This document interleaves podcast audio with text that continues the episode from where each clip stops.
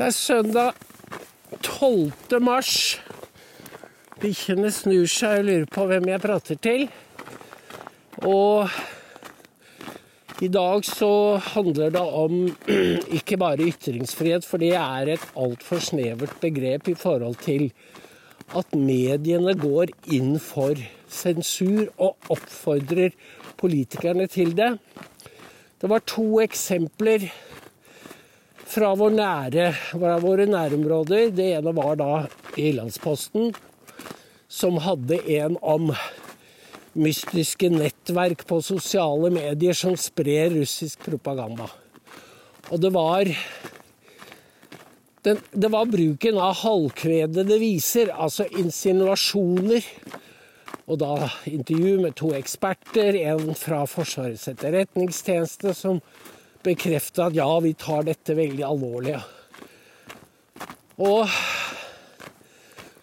fra Det var en demonstrasjon nå på ettårsdagen hvor det kom, sto ikke så mye om hvem som var der, men utover at det er en russer som bruker flere ulike alias. Og så var det Marie Krarup som holdt tale, men heller ikke noe referat fra hva hun sa. Men så kommer de til politikerne. Og da er det man forstår at dette er alvor. For de snakker om at det er en trussel mot samfunnet at folk har andre oppfatninger enn de offisielle.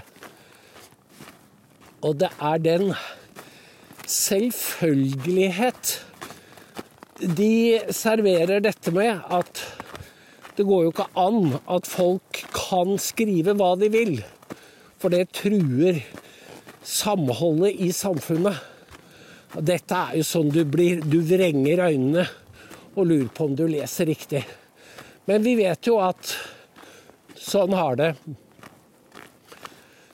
Eh, de samme tonene kjenner vi jo fra norsk debatt. Og i Sverige så var det Ola Larsmo som skriver en lang artikkel i Dagens Nyheter. Ola Larsmo har, så vidt jeg vet, norske aner. Han er oppe i åra nå. Og han skriver da et langt stykke i Dagens Nyheter om nettrollene. Og det som er Kjennetegnet og fellesnevneren både for Jyllandsposten og Dagens Nyheter er denne insinuasjonens kunst, og at man trekker slutninger etter først å ha manipulert bevisene. Fordi både, både Jyllandsposten og Dagens Nyheter slenger jo inn QAnon og Trump og at russiske bots påvirket valget i 2016. Altså, det er de som skal bekjempe nettrollene, er selv de verste nettrollene. Og det går selvsagt ikke. Så Men de pumper seg opp fordi de har en plattform som gir prestisje eller hadde prestisje. For jeg er ikke sikker på om den er så stor lenger, når de må rope på sensur og vise til at det spres misinformasjon. Det er akkurat eh, de samme begrepene som man bruker i USA for å sensurere folk. Og det er jo ikke noe rart i da at det vekker motstand. Så du kan jo si at her har vi vår oppgave, en av våre oppgaver, å skille klinten fra hveten. Fordi hvis man virkelig er mot nettroll, så må man jo feie for egen dør. I USA har dette kommet mye lenger, for der går man fysisk til angrep på folk man er uenig i, og vil fysisk skade dem. Og det skjedde lørdag med publisisten Steve Forbes, som eier Forbes, som er både et magasin og et nettsted.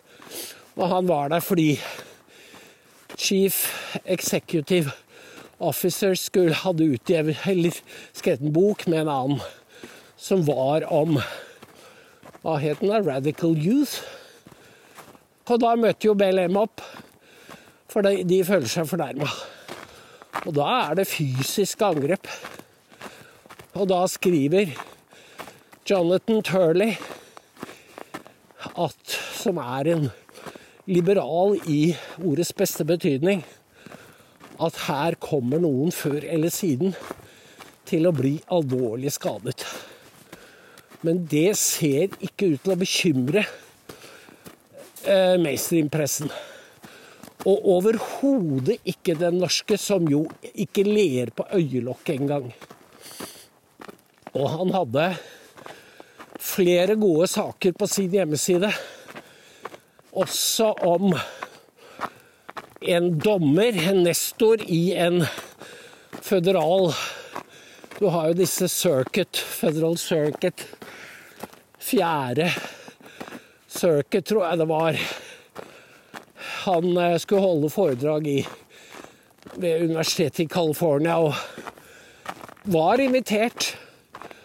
Og han er en bigwig, han er i USA. Og, men det var jo noen som ikke ville høre ham. Og så ble administrasjonen tilkalt. Og det var rektor for juridiske fakultet. Og hun holdt en Hun holdt en tale hvor hun sjikanerte han dommeren og sa er er the uh, juice verdt the squeeze? Er det vi får ut av dette verdt smerten du påfører mine studenter? Og sånn holdt hun på. Dere må nesten høre det, den uh, talen hennes, fordi den var du, du, ruller og lurer på om du hører riktig at dette er en rektor på et juridisk fakultet. Og da var det en For de studentene, de var De hadde vennet seg til at de skulle ikke høre noe annet enn det som strøk dem medhårs. Alt annet var en fornærmelse mot dem. Og da var det en i kommentarfeltet som skrev Men unnskyld meg, hva skjer når disse studentene blir advokater og kommer i rettssalen? Da vil de jo bli møtt av argumenter mot, altså fra motparten som knuser deres egne. Hvordan vil de reagere på det? De virker totalt uforberedt på virkeligheten. Det var et veldig godt argument. Fordi det er jo det lærerne på universitetet unnlater å gjøre. De forbereder ikke de unge på virkeligheten. Isteden så utdanner de dem til å bli rødegardister, for ikke å si brunskjorter. For de er så hatefulle at det er skremmende å høre på den brølingen og trommingen i bordet. Bare fordi de står overfor en autoritet som skulle snakke om Twitter, guns og covid. Og bare, bare de ordene får studentene til å se rødt. Og så er det en hvit mann, og de bruker da disse rasistiske begrepene. Dette er Dette er USAs undergang. Og det er, eller det er journalistene, men det er akademikerne som har forført studentene. Og dette var jo Det begynte jo på min tid. På 60-tallet. Da begynte det. Men da var det da var det vi som radikaliserte oss selv. Lærerne var jo ikke så veldig interessert i dette her.